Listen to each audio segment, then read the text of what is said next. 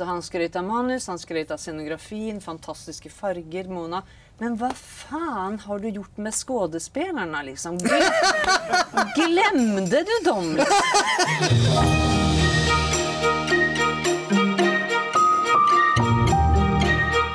Hjertelig, hjertelig velkommen til I fokus her på podkasten Norsk film er. Det er eh, romjul og riktig, riktig godt nytt år, eh, alle sammen. Tusen takk. Jeg føler jo for å si god, god jul og godt nyttår, jeg også. I dag så er det jo veldig spesielt, det vi skal holde på med. Ja, vi har en eh, aldri så liten juleepisode, eh, kan man vel kalle det. Kan vi si en julegave? Ja, det er eh, kanskje det til hele folket. Ja. Jeg har hørt rykter om at du har vært på et foredrag eller på en filmdiskusjon om en dogmefilm. Ja, det er helt riktig. Det er regissør Mona J. Hoel som var på et arrangement eh, arrangert av Drammen Filmklubb tidligere i år. Og eh, da har vi jo da muligheten til å presentere den. Ja, det ble gjort et opptak der som vi rett og slett spiller av. Filmen er jo da en dogmefilm. Det er Norges første og eneste dogmefilm, i hvert fall offisielt sett. Når nettene blir lange, av da regissøren som møtte opp på den filmvisningen i Drammen Filmklubb og hadde en samtale om filmen og hennes måte å jobbe som filmskaper. Jeg har ikke sett den filmen, men jeg har sett andre dogmefilmer. Disse filmene som Ja. følger dogmene som ble presentert av von Trier og gjengen. Var det under Cannes-festivalen i 95? Ja. Hvor det var liksom ti eh, dogmer, eller regler, da, som man skulle følge veldig nøye når man skulle lage film, for å komme tilbake til den ekte filmskapingen, på en måte. Mm.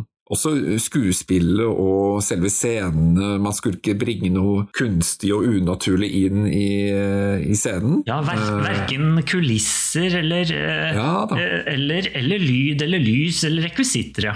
Selv musikk og sånn kunne man eh, ikke legge på i ettertid. Altså, der, der måtte musikk spilles eh, på settet. Ja, og, og så skulle selv ikke regissøren krediteres, så på mange måter så er jo det litt som å si at her så er det ingen regissør, du bare setter opp kamera og spiller av virkeligheten, eller filmer virkeligheten på en måte. Ja, det er fokuset på historien og kanskje de konvensjonelle virkemidlene. Ja.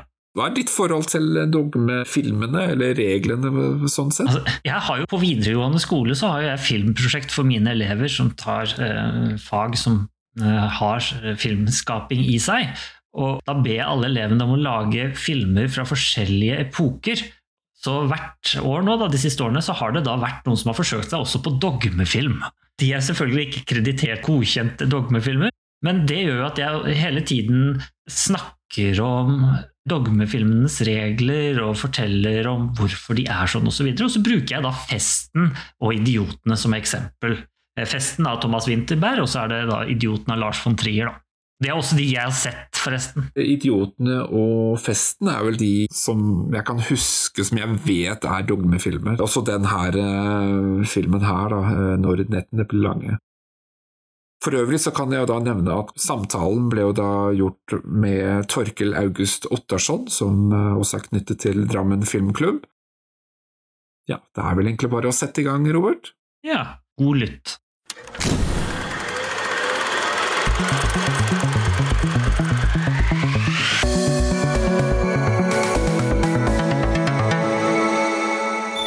Herlig stemning.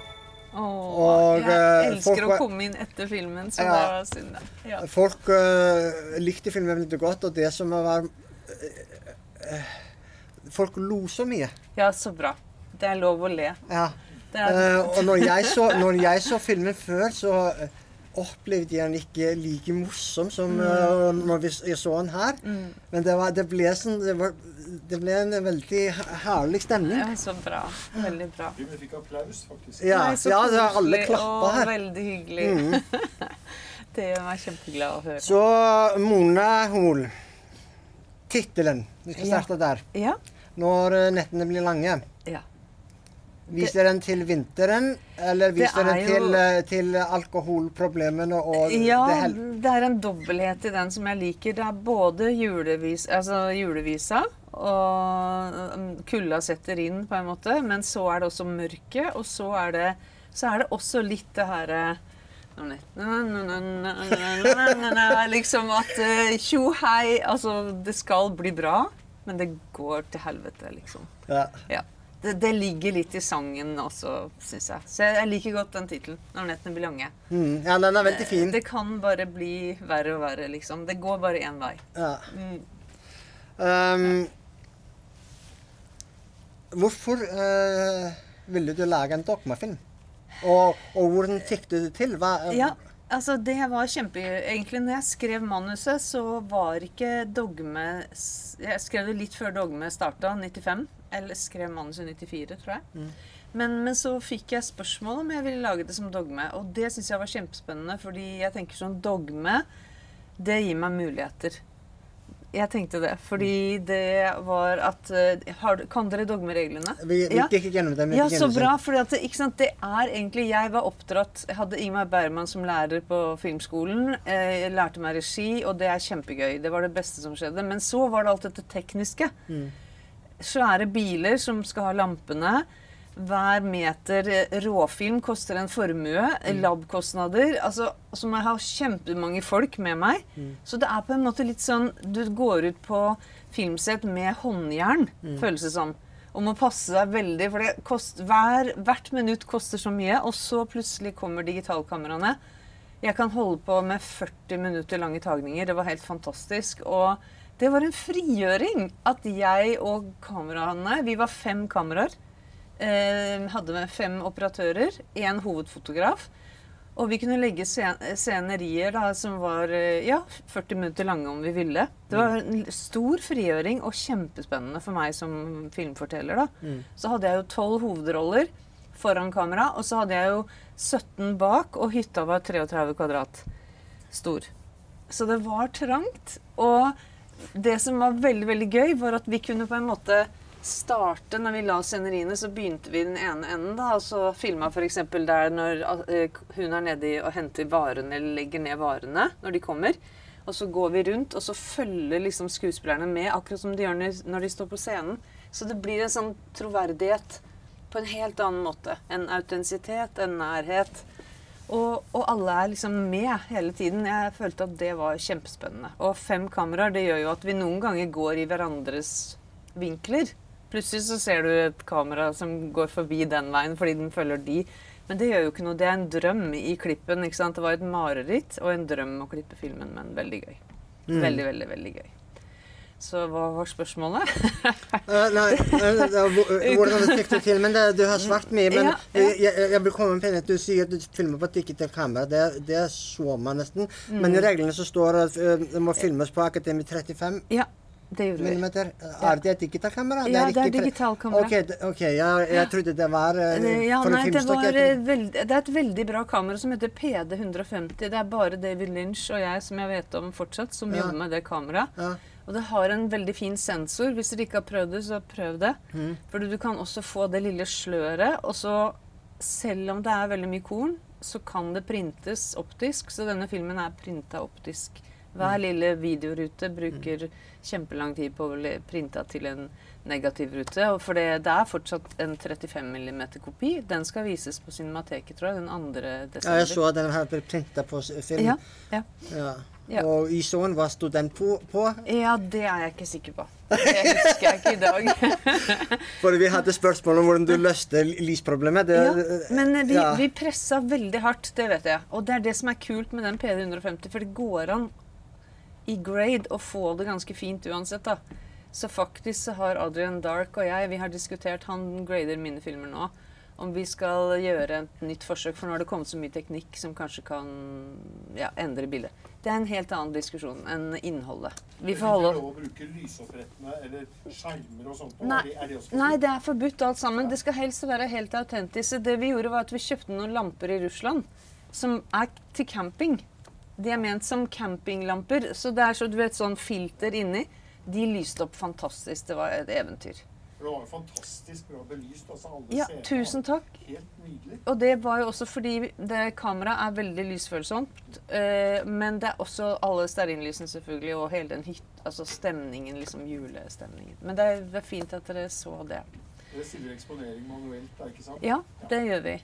Mm, på alle fem kameraene. Så det var lov å kjøpe inn lamper som var praktiske? Altså det, det er på en måte rekvisitter, da, kaller vi det. Ja. Så, så ikke sant, i Dogme så er det veldig spennende at det ikke er sjanger, og ingen våpen og ikke blod. Og eh, ikke lyd, noe lydetterarbeid. Og det, jeg digger de reglene, for det er en frigjøring. Så det vi gjør i prinsippet, er å jakte det gode spillet. Og så når jeg, når jeg møtte skuespillerne på forhånd, så fikk de ikke lov å lese fra manus. Så vi hadde én manuslesning, og så la vi vekk manus, og så improviserte vi fortiden. Sånn at Gunnar og Astrid De fikk bare snakke om hvordan de ble forelska, hva det var de likte ved hverandre, hvordan de, hvordan de planla å skape familie. Alt det positive. Så det var først på sett at de fikk lov å være helt sånn avstand, iskaldt. Og det var kjempespennende. Det var første gang de tok replikkene på sett. da. Og den metodikken lærte jeg av Mike Lee, faktisk. Han fortalte meg om det fordi jeg møtte en skuespiller som han jobba med, på Naked. Ja, Hun akkurat. eh, nydelige Hva heter hun? Catherine. Hun døde jo, dessverre. Men, eh, men eh, da fortalte han og hun hvordan de bygga opp scenene. Det syns jeg var inspirerende. Mm. Å bare improvisere forhistorien, fortiden vår, sånn at Også Liv, da. Når hun skulle fortelle at hun hadde møtt sin store kjærlighet, så inviterte hun faren sin på middag. Men han kom med en og en halv time for sent, og han huska ikke hvor han hadde parkert bilen, for han, var jo, han hadde drukket, da. Kjørt i fylla òg. Så da handla det jo ikke lenger om hennes kjærlighet, og den historien drukna. Men dette gjorde at på sett så var de liksom en familie alle sammen. Det var, det var dem det handla om. Så, det, så, det må, så måtte de kjøpe egne julegaver, ikke sant? Og når Gunnar skulle gi svigersønnen julegave, så han Eller så pakka han inn en stein. Mm. For han, han liker jo ikke han Han kaller han jo mobiltulling, ikke sant? en stein, ikke sant? Men det også gir noe til stemningen, da. Så det er veldig spennende, syns jeg. Dogme, Dogme 95. Hvis, Men- dere, hvis dere har lyst til å prøve Dogme 90, hvis det er noen filmskapere her, så gjør det. Men Prøv uh, Dogme. juksa du? Foreldrene? Juksa ikke. Vi hadde jo ikke noe musikk. Vi hadde den kassettspilleren som Jo, i slutten, Ja, det er når sant. han roper på eh, 'jenta mi' og alt det, så spilles musikk. Ja, det er sant, det. Der jukser jeg. Der det, jukser det er ingen som har tatt meg for det. Jeg fikk, jeg fikk sertifikat uansett, men det er veldig bra at du påpeker det, syns jeg. Og koret ute de var like høye da scenen var ute, som da de var inne. Det er sant, det. Lydoverlapp, ja. Mm, alt dette går meg Det har gått meg hus forbi, altså. Dette, dette er Men det går straffbart. greit, for de har alle innrømt også at de jukser på sine Ja, de gjør det. Ja, OK. ok. Ja, det er var ikke den eneste som jukser. ja, skal nei, dere kan si det, altså. Dere kan lage en katastrofe. Vi kan bli fratatt sertifikatet. Det kanskje gjør at folk vil se filmen. Hvorfor? Hvor var, var Finn ut. Finn fem feil. Ja. Ja, finn fem feil.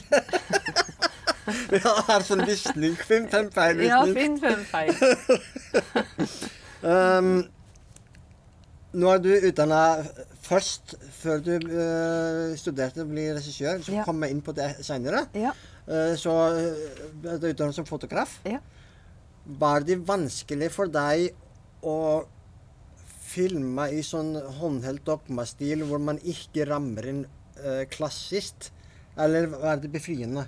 Veldig befriende. Ja. Altså, det er egentlig sånn eh, Jeg gikk jo på ICP i New York, og det var en veldig bra fotoskole. Og vi ble veldig sånn hardt tøyla, da, kan du si. Mm. Eh, og det samme skjedde jo på, på filmskolen. Altså Man blir tøyla, og det er rammer, og ikke sånn og ikke sånn, og ikke hunder og ikke barn. Og, ikke sant? Det er masse sånne regler som man lærer seg. Og jeg er sånn regelbryter. Jeg hater regler. Så helst av alt så vil jeg bare gjøre alt som alle sier jeg ikke skal. Så egentlig så var, var det ikke vanskelig. Jeg begynte til og med på, på fotoskolen å filme Super 8. Mm. Så jeg lagde min første kortfilm som het 'Lucianas morgen' på skolen der. Og den har vært vist i Rotterdam filmfestival og sånn. Um, og det er gøy fordi det handla om vennskap. Eller det å glemme vennskap og verdien av det. Og da hadde jeg en fotolærer som var veldig klok. Hun sa at nå har jeg invitert publikum. Det er eh, en haug med børsmeglere fra Wall Street, for de har glemt hva vennskap er. Og jeg bare Fy, what? Har du invitert publikum? Og der satt jeg med Super 8 og så lyden manuelt på kassettspiller og spilte da den filmen 'Lucianas morgen' for dem. Og så etterpå så var, satt de og gråt. Og så kom de fram og takka for at jeg hadde minna de på hva tapt vennskap var. og det var bare sånn Da, da ble jeg liksom Dette er min vei. Dette skal jeg drive med. Ja. Skal få minne folk om og Eh, Jeg kan få sette med innramming. Ja. Eh, For jeg er litt interessant, for Ja. jeg, jeg er også filmskaper, men jeg Ja. sliter veldig med Ja. å ramme en feil. Eller, eller sånn fritt. Så jeg beundrer folk som har lært klassisk filming eller fotografering, at, at de klarer å komme seg ut av eh, Jeg syns det er helt utrolig. Men um, jeg legger også merke til at du rammer mye tettere inn på ansikt enn folk pleier å gjøre. Og det Mm. Gjelder ikke bare denne filmen, men også andre filmer du har laget. Ja. I natt, for eksempel, så selv om der går du litt ofte litt lenger borte fra folk, Mm. men når du går inn, så går du veldig tett inn på ansiktet. Ja. Uh, hvorfor? Jeg elsker å liksom bryte gjennom de veggene, da. Som på en måte lins... Altså det der ruta. Jeg, jeg vil gjerne utafor det, liksom. Eller innafor. Og jeg vil helst også inn og se jeg, jeg føler liksom at så mye ligger i detaljene. Altså så mye ligger i øynene, i uttrykk, da. Og, og optikk er jo helt vanvittig spennende. Jeg elsker optikk. Optisk tilnærming. Og jeg tenker veldig Nå har jeg lagd en kortfilm som får premiere på Vegas scene den 16.12. som heter 'Stå opp mot vinden'. Den ble vist i Grimstad, men ellers er den ikke vist noe sted. Og den er filma på uh, anamorf 400 mm, hele filmen. Og da er det stativ, men det er vanvittig spennende. Da, da, da går jeg bare helt kontrapunkt, men allikevel så, så, så går jeg inn. Men da er vi jo flere mil bort, ikke sant? Men da trykker vi sammen også omgivelsene. blir noe helt annet. Jeg elsker optisk tilnærming, rett og slett. Og når jeg går sånn som natt eh, med Emma i sykehussengen forbi, så skjer det noe i meg. Jeg tror også når jeg opererte kamera i Skal dere gå allerede, sjøl For det diskuterte Hoit og jeg at det skulle jeg. Fordi når man er førstefiolinist, så spiller man jo selv på fiolinen, liksom. Men hvis jeg gir bort kamera, så er jo ikke dere like nær hjertet mitt, tenker jeg. Mm.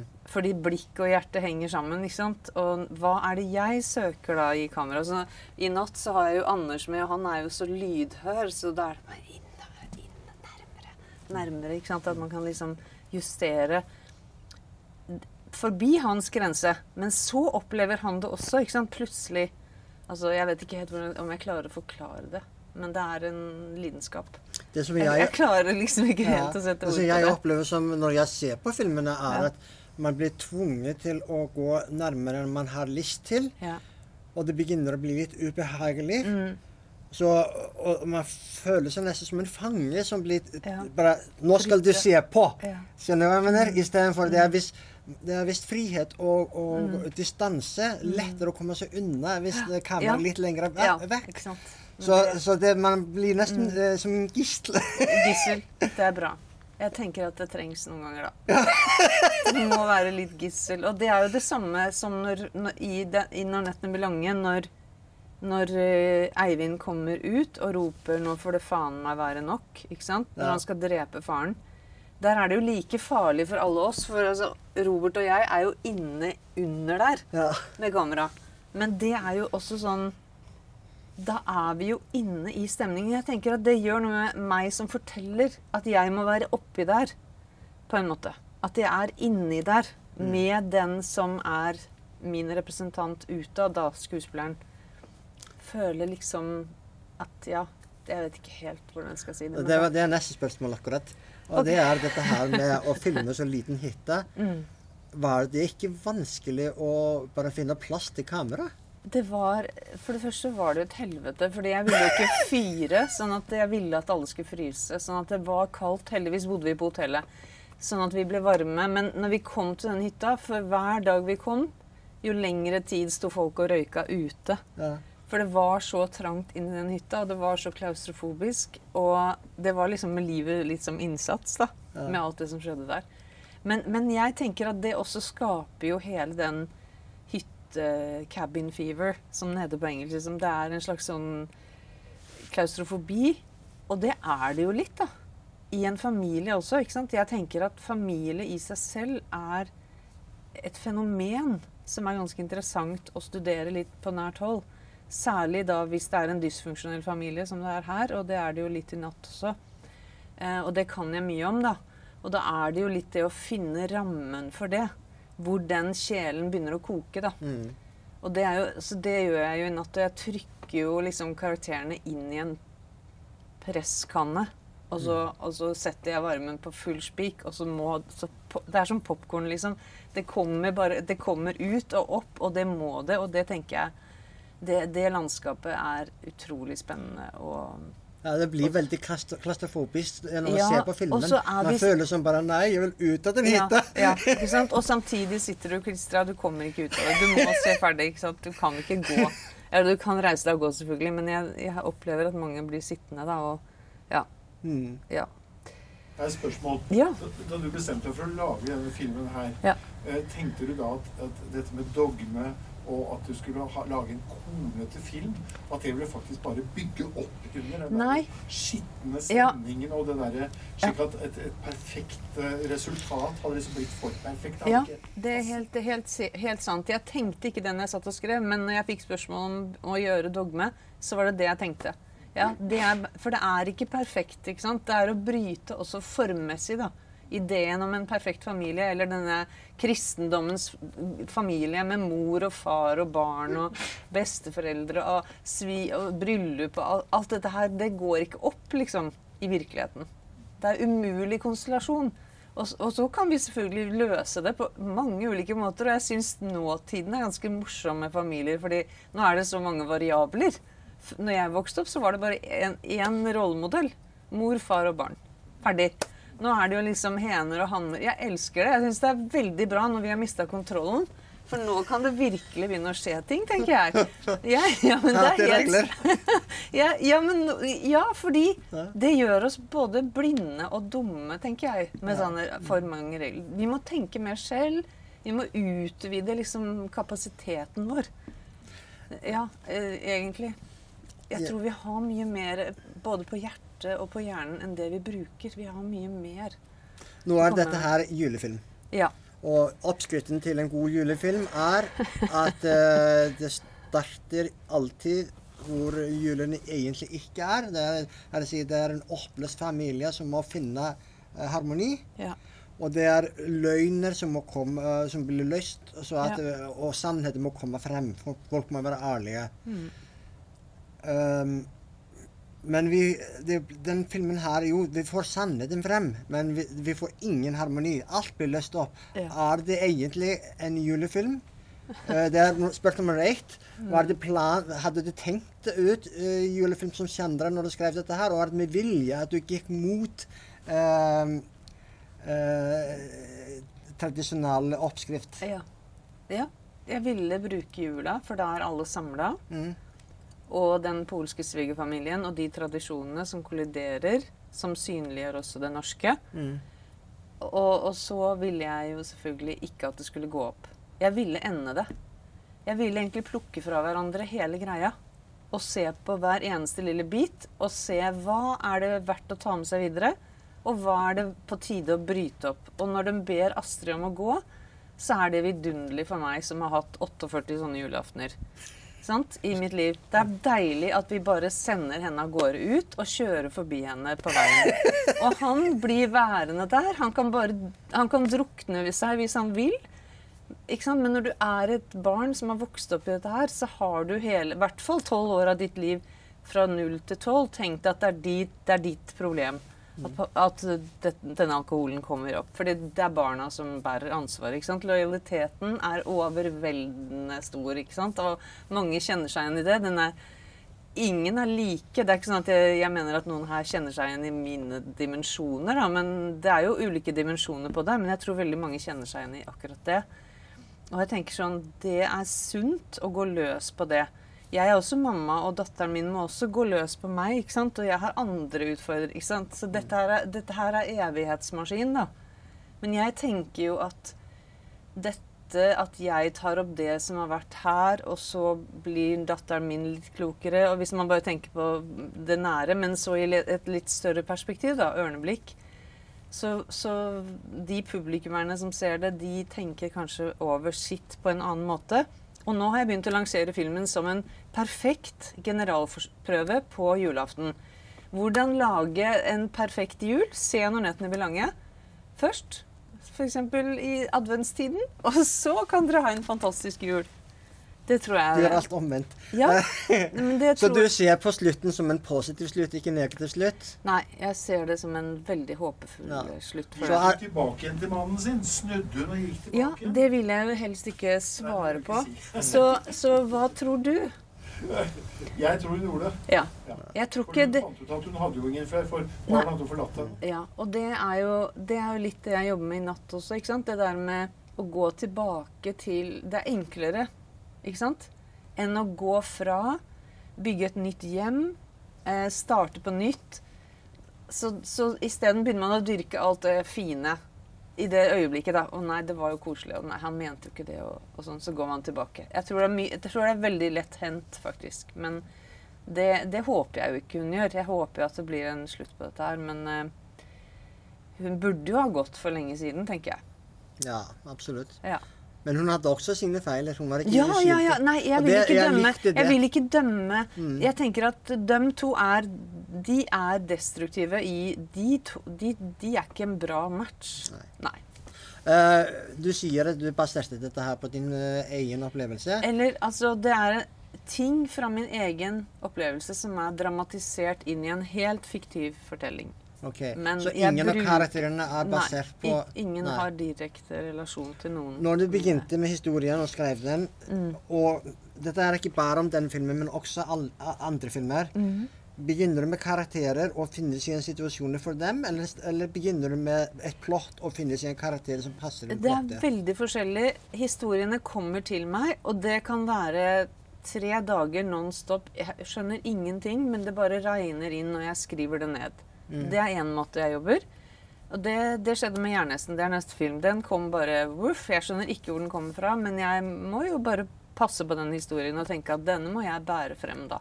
Med denne konstruksjonen her så gikk jeg veldig sånn dypt inn i selve det mm, Tradisjonene først, tror jeg. Jeg begynte med å virkelig tenke A, B, C, D, E, F Veldig logisk. Og så Det betyr liksom hente flyplass, ankomst der, og introduserer sånn gradvis karakterene. Selvfølgelig Gunnar han tok jeg godt tak i i forkant i manus etter hvert. Da, men det kommer liksom etter hvert. Men først så er alle de karakterene lagt ut på en måte. Og så skriv, prøver jeg å ikke tenke så mye, bare skriver. Eh, og så lander det, da, sånn som det er til slutt. Men da er det jo gått igjennom mange, mange runder. Mm. Og selvfølgelig julemiddagen. ikke sant? Det er det som er takknemlig med å bruke jula. Fordi det er noen sånne rammer, da. Ja. Mm. Kan, eller kroker som man kan henge det på. Ja. Sånn som kjøkkenet, f.eks. At det er så lite. Mm. Og at da plutselig svigermor fra Polen kommer med den soppen. Mm. Det, det er jo, ikke sant? Og det er også fordi vi er så ekstremt En av tingene med tradisjoner er at vi holder oss fast i dem. Mm. De hjelper oss, liksom, for da holder kontrollen, da. Mm. Og så fort du begynner å rikke ved kontrollen, så kan det gå veldig gærent, da. Mm. Ja. Når, du, når du skriver manus, Ja. så skriver du dialog, Ja. uh, og så er du på innspilling på sett. uh, krever at uh, skuespillerne husker alt? Oh, ja. Å ja. alt som ble skrevet? Eller er det, er det holder det med Nei. Nei, her, alle replikkene må være innlest. Og, og Zbigek han kunne jo ikke et ord norsk, og han lærte seg alle de norske replikkene Nei, på telling. Ja. Det er helt vanvittig. Men da må jeg også si at jeg kom jo til Norge etter å ha vært 18 år i Sverige og jobba med svenske skuespillere, og så tenkte jeg hjelp. De, de gidder jo ikke å lære seg replikkene, men det var veldig bra på Når nettene blir lange, for det var så mye replikker. Mm. Og Zbigek han sa herregud, hva er det med disse norske skuespillerne? De kan ikke replikkene sine. Men det er jo en sånn De fleste vil jo Nå er det kjempeproffe skuespillere her. Det er, jeg elsker skuespillere. Men det å kunne replikken er jo en gave for dem, for da har de jo satt seg inn i det. Og da kan man godt leke og tøye på det. Men det er kun én replikk i Når nettene blir lange som er tatt ut. Ellers så er alt skrevet. Så det er ingen som driver og Og strekker seg i øst og vest. Nei, Nei. ingenting. Nei. Men det fikk de gjøre masse, som sagt, før innspilling. Da improviserte vi veldig mye. For det handla om forhistorier. At de vet liksom hvilken relasjon har eh, Øyvind og Liv. Det er kjempeviktig for dem. ikke sant? Og hvorfor er, Liv, hvorfor er Øyvind sjalu på Liv? Eller hvorfor oppfører han seg sånn mot henne når hun kommer løpende inn og tar med deg familien din, dra tilbake. ikke sant? Og det er også det strukturelle som er kjempeinteressant. hvordan hvor, I en familie så er man jo ikke den personen man er. Man er liksom ikke Mona, da. Man, er, man spiller en rolle. Og ja, det er henne som går inn med kaffen og får igjen kaffen etter at han har da like før gjestene kommer. Eller like før middagen skal serveres. Da har han bælma en flaske, så da er han veldig borte. Men da må vi få han opp. ikke sant? Da må, den som er mest skikka til det, er jo Liv. Hun går inn og duller litt med han, da.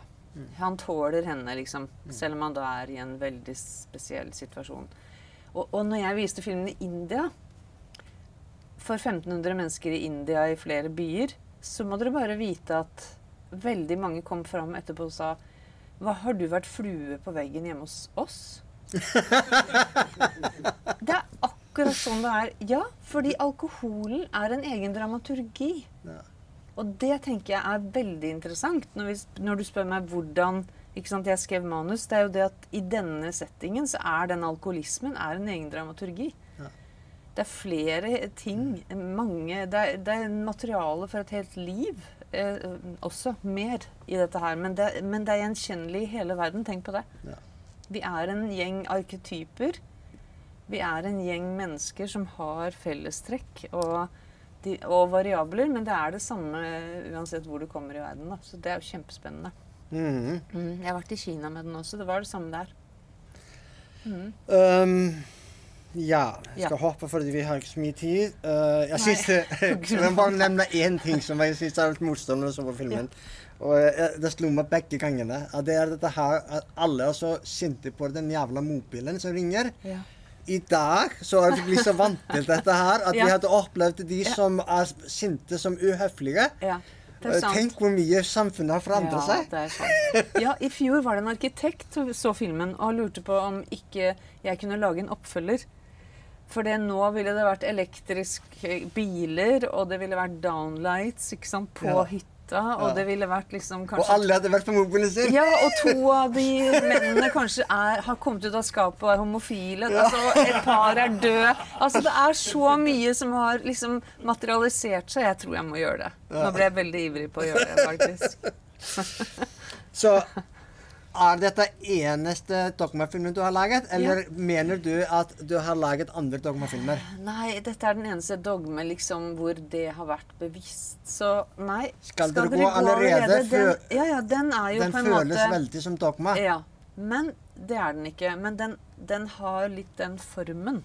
Jeg bruker jo det samme kameraet, på en måte. Ja. Hva er det du gjør ikke, som ikke er dogma der? Mm, Det er mer det at vi følger en oppussing, er liksom dramaturgien i den filmen. Og en oppussing har også en egen dramaturgi. Og håndverkere. Og relasjonen mellom håndverkere. Eh, dere har jo ikke sett den, så jeg kan ikke si så mye om det. Men disse håndverkerne i den filmen Det er en litt annen form på det, for det handler veldig mye om ensomhet og isolasjon hos unge mennesker. Og Elin er liksom rett ut av et ungdomsfengsel fordi hun har vært inne i en sånn dopgreie. Og så har hun fått en leilighet av faren sin som han har kjøpt som investering.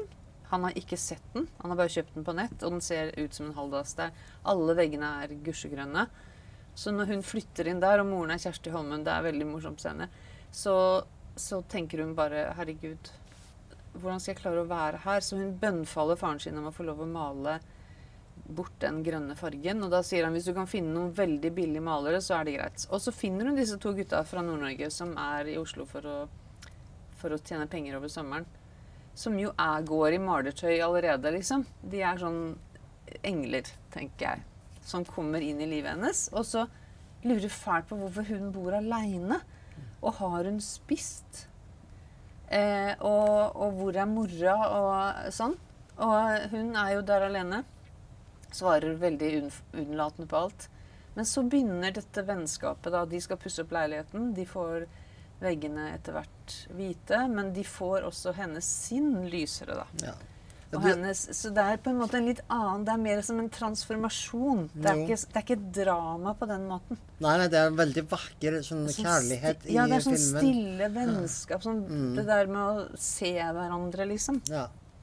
Er du kald? Vil du ha en kaffe? Mm.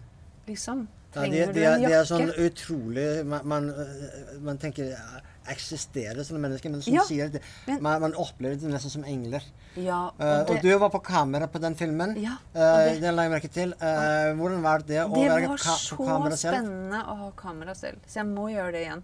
Fordi det er litt det der med å spille på fiolinen, liksom. Ja. Fordi hjertet, Og jeg føler liksom at noen opplevelser publikum har hatt i den filmen, det handler om tror jeg, at det kommer mer rett ut av hjertet. Det er ikke sånn destillert eller håndtert. Vi sitter og planlegger og bryter ned alle scenene i bilder, diskuterer. Kanskje vi mister en del i den planleggingen. Så den filmen eh, Og da mener jeg ikke Vi mister ikke når vi planlegger, men samtidig, da. Den der impulsiviteten, Mm, liksom. ja. Det intuitive, det blir litt borte. Ja, jeg er helt enig med deg. Mens her var det sånn Vi måtte Jeg kjørte bilen, jeg henta skuespillerne, jeg, jeg holdt i kamera. Måtte, vi måtte pusse opp leiligheten. Vi malte den først grønn, og så ble den hvit, liksom. Men, det, men mens vi holdt på med det, så lagde vi filmen. Og det var jo utrolig morsomt, fordi plutselig så dukker faren til han igjen opp, ikke sant? og han får en rolle i filmen. Og, og, og de Altså, det er litt sånn organisk eh, en, en prosess. Men- Og den, den lagde du for din egen Du produserte selv? Ja, ja, og det er helt Og fikk ikke støtte? Nei, nei, og det har jo ikke uh, Natt heller. Det er eh, helt egenfinansiert. Du har et produksjonsselskap som heter Fritom uh, Ja. Og, og det er Jeg syns det er helt fantastisk Uh, at du gjør det. Det gir, det gir deg sikkert mye fri, frihet til å uh, bare Ja. gå din egen vei. Ja. Eh, litt som Fassbinder gjør det i Tyskland. ja. Um, Det, hvorfor har ikke flere gjort dette her? nei, det kan jeg ikke svare på, altså. Men jeg ble kalt nå fryktløs Den fryktløse Mona Hoel av hun der eh, Sigrid Bonde Tusvik. For hun er så begeistra for filmene mine. Fryktløs Mona Hoel, det syns jeg er fint. Ja. For det er liksom sånn, det er akkurat derfor jeg driver med det liksom Jeg har fått en del avslag, dessverre, fra NFI i mitt liv. Hele livet, egentlig. Mm. Men de har alltid kalt filmene deres, når, sånn som nå i Toronto. Og da var jeg jo produsent, men, men med en film som røyk rett inn i Toronto uten statsstøtte. Og da plutselig var jeg norsk film. Da, da tok de den, liksom. Og det er jo sånn De tok den. De spurte ikke engang. De bare skrev at det var en norsk film. Jeg, jeg, Så, så vi, nei, vi går ikke den veien. Nei, Vi må heller prate om det morsomme. For det morsomme er at jeg egentlig bare driter i alt det der. Jeg lager film nå. Nei, for jeg, jeg, jeg, jeg er så jævla lei av norsk film i dag som alt kan se ut som rett fra Hollywood. Ja. Eh, de skal helst handle om andre verdenskrig. og, og det er sånn det, det, det, Jeg føler som jeg har mistet litt kreativitet og guts til å gjøre noe litt annerledes. Mm. Ja. Men det Um, skjer i hele verden. Hvor er disse or originale filmene som turte å, Ja. Mm. å støtte litt? De er borte. Dette er alt sånn uh, Det- som er lett å selge. Ja. Og jeg tror det kommer av at det er for mye kontroll. Ja, fordi uh, for NFI, som imot som Det Norske Opera og Ballett. De, jeg var og så den uh, Lucien Øyen-forestillingen. Helt fantastisk. Helt sinnssykt vill, uthemma, veldig bra ballett, men med masse tekst. Veldig, helt fantastisk. Men det hadde ikke kommet en sånn film så lenge eh, NFI ønsker å ha så nær og tett dialog med Kulturdepartementet. For det er det det handler om. At man må liksom holde Selv om man må ha en god dialog, så må man også være fryktløs. Man må være Man må tørre å ta upopulære avgjørelser. Og jeg syns det er så tidstypisk. Det er ikke bare på NFI. Jeg ser det på Stortinget. Jeg ser en veldig stor frykt for å bli upopulær. Det er et stort problem. Det kan, det kan kjøre hele dette fantastiske landet med alle de fantastiske strukturene som er bygd opp over lang tid, rett i dass. At ingen tør reise seg og si jeg bryr meg ikke om at din organisasjon skal ha så mye penger. Det bryr jeg meg ikke om, for vi har ikke de penga. Ferdig snakka. Gå ut, hold kjeft, bare lukk døra. ikke sant? Ja, jeg blir ensom og upopulær, men jeg gjør, har kunstnerisk frihet, da. tilbake til filmene. Ja. Ah, det, det er vidunderlig. Jeg må bare si det. Jeg må jobbe ti ganger så hardt og 16-18 timer i døgnet. Det går fint. Det går helt fint. Og jeg må spare penger for å ha råd til å betale Nils Petter Molvær, som hadde musikken i natt. Men har, han, han har fått penga, og jeg er kjempeglad, og han er glad, og klipperne har fått penga, og Det tok tid å lage den, men det ble en film. Ikke sant? Og da er det en annen oppskrift, men jeg har min fortellerstemme intakt, da. Jeg driver ikke rovdrift på den. Og det tenker jeg er kjempeviktig. Nei, for eh, dette, disse sikre som vi kjører nå, at eh, vi skal bare legge penger i det som er 100% sikkert det blir bra, Ja. det blir kjedelig. Safe er kjedelig. Ja. Det er ikke noe kreativitet. Nei. Alle topper i filmhistorien kom når en liten gruppe reiv seg ut og starta noe nytt og hadde guts til å teste noe annet. Ja. Men her skal vi liksom bare kjøre bakveis. Ja. Nei, Men så jeg lei av å ikke ha nok penger til det du ofte har lyst til å lage? Nei. Du ville gjerne hatt en Sareptas krukke og bare Nei. Nei. Nei, vet du hva? Jeg, jeg har funnet ut at Fretex har de fleste tingene jeg trenger. Og liksom, hvis Jeg hadde jo en veldig gammel bil når jeg lagde Natt, men den, det funka jo, liksom. Altså, det funka. Det ble plass til alle de stjerneskuespillerne. Jørgen Langhelle, Henrik Rafaelsen og Guri Glans inni den lille bilen. Jeg tenker sånn, Det viktigste er at jeg er der jeg skal være, og at jeg liksom skiller på sjåføren og regissøren. Hvis du skjønner? Og kostymedama. Liksom, at jeg uansett klarer å være supersharp når jeg sier 'vær så god'. Liksom. At da er jeg regissøren, og at det er en autoritet. Selv om det er en sjåfør, så må jeg ha den autoriteten. Jeg må skjønne at eh, jeg kan risikere å bli utnytta. Eller, eller jeg kan risikere å påføre noe som ikke hører den personen til. F.eks. at eh, jeg har glemt igjen lommeboka hjemme, og jeg må fylle bensin. Altså Bare et eksempel, da. Men liksom, det er en liten dimensjon. Men så, sånn Bjørn Sundquist, da, som jeg jobber masse med Når han kommer på sett, liksom, så har han eh, rett inn på kostyme Hvis det er en vanlig film. Så går han rett i kostymen, og så sitter han der en time, og ha, han er kanskje full av angst når han kommer. Den angsten vil jeg ha i kamera. Men hvis hun duller med han en time før han kommer til meg, så er han jo angstfri. Altså, eller da har jeg mista Jeg mener ikke at det er bare et eksempel, men da har han kanskje mista noe som jeg ønska inn i filmen. Som han kanskje egentlig hadde bygd opp, som var det han kom inn med på veien. For han Som du hadde gratis med en gang. ja, for profesjonelle skuespillere de forbereder seg jo hele tiden. De jobber jo hele tiden med re re- replikkene de, på, altså, i prosess, ikke sant. Så, så jeg tenker sånn Bare knyt posen, og så kjører vi, liksom. Det er det. Sånn. Ja. Og nå er klokka Ja, fordi. Jeg jeg kommer kom jo for seint, så vi kan gå ut og prate videre på gata, Det går liksom. bra. Jeg må dra snart, men dere kan få sette. Jeg har to spørsmål før jeg Ja, drar på ja, jobben. Jeg må være der om fem minutter. Ja. Um, Herregud, jeg beklager. Folk. det går så bra! Det er jo så koselig å prate med deg. Ja, det er kjempekoselig å prate med deg og dere òg. Um, så jeg har to spørsmål. Nummer Ja, ett. ja. Vi må jo komme inn på det at du hadde Ja. Bergman som lærer. Ja. Eh, hvordan var det? Ja, det var Fordi vi vet at han er, han, han er fantastisk kunstner, men også vanskelig person. eh, Menneske. Mm. Ja. var, eh, det, var, det, var, det var helt vanvittig. Fordi at når jeg dro fra New York da, for å gå på filmskole i Sverige, så, så tenkte jeg jo at vi kommer jo til å møte Bergman. Men nei, da, han var ikke lærer på den skolen. Da sa jeg bare til de andre at du, da skriver vi brev til han. Altså, for jeg drar ikke helt fra New York til Sverige for å ikke ha han som lærer. Det syns han var helt fantastisk, for han hadde ikke fått det spørsmålet før. Så da, da han kom og var mentor for oss det første eh, året. Og da lærte oss de grunnleggende regigrepene. Og ikke sant, Jeg lagde min første film som het Therese 17 år eller 14 år. eller sånn. Og så så han den, og da måtte vi ha lyset selv og kamera selv. Og fordi det var en del av skolens politikk at du måtte gjøre alt sånn at du skjønte og hadde vokabulær også, og respekt for det andre gjorde. Så han skrøt av manus, han skrøt av scenografien, fantastiske farger, Mona. Men hva faen har du gjort med skuespillerne, liksom? Glemte du dem? Hun står jo bare der, og jeg bare Fy faen, altså. Jeg raste gjennom gulvet. Jeg tenkte hadde jeg hatt en svart pose å trekke over nå, så hadde jeg gjort det. Men jeg tok hevn. Jeg vant studentfilmprisen i München med avgangsfilmen min. Og da var Jane Campion i samme konkurranse. Det er bare synd at hun vant Oscar før meg. Ja. Men det skal jeg hevne meg på. Jeg kanskje trenger fem år til, eller ti, eller 15 år til før jeg får en Oscar. Men jeg skal nå dit, da. Men, men liksom det var, det var fantastisk. Også, også liksom på fullt alvor, for han mener det jo. Og han er jo ærlig. Det er jo mye bedre enn at noen sier sånn Å, det var fantastisk. Og så mener de det ikke, liksom. Det var det beste som kunne skjedd meg. Jeg skjønte jo hele greia. Han sa 'Da med ditt ansikte utåt'. ja, og det er de jo. Skuespillere er jo kjempemodige og bare vis, vise at de respekt. respekt. Hun står jo der for din skyld, liksom.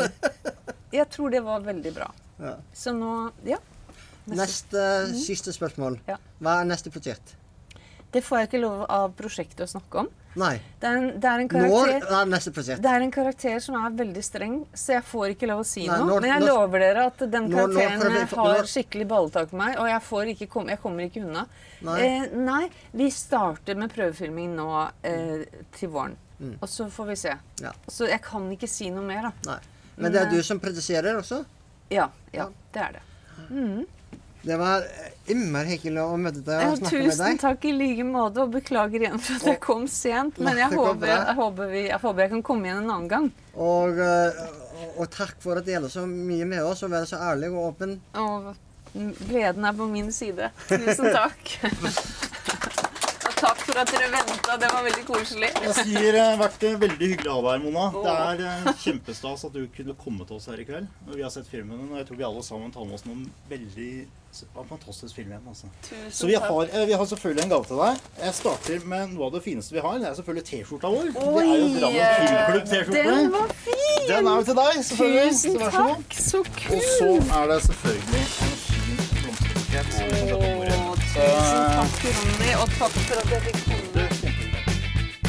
Idet samtalen runder av, så sier vi da tusen takk til Mona Johanne Hoel og intervjuer Torkel August Ottarsson. Også en takk til Ronny Rype, leder av Drammen Filmklubb, for samarbeidet og lån av lydklipp. Ønsker du å høre mer om Drammen Filmklubb, kan du sjekke ut vår episode nummer 17 med intervju av Ronny Rype, der hvor du kan høre mer om eh, filmklubben og hva slags filmer Ronny liker. Vi minner om at vi er på alle mulige podkastplattformer, Spotify, Apple og Google. Der kan du høre alle våre episoder helt gratis. Vi er naturligvis på Facebook og Instagram. Del gjerne siden med dine filmvenner, og hvorfor ikke ta en liten prat om norsk film med dem i samme slengen? Vi ønsker å skape filmpraten mellom folk og få folk til å oppdage norsk film. Har du tips til filmer eller temaer du vil at vi skal prate om, eller personer du ønsker at vi skal intervjue? Ja, gi oss gjerne en tilbakemelding på Facebook. Du kan også kontakte oss på e-post post at norskfilmr.no. Med bare få timer igjen av året, så eh, er det vel bare én ting å si, Robert. Godt nyttår!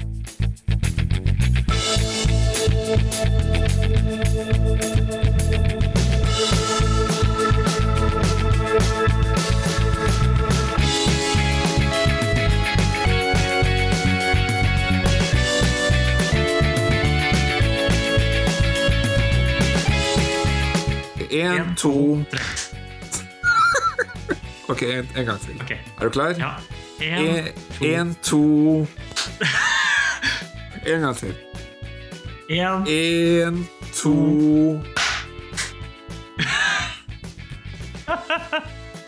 Det funker nesten.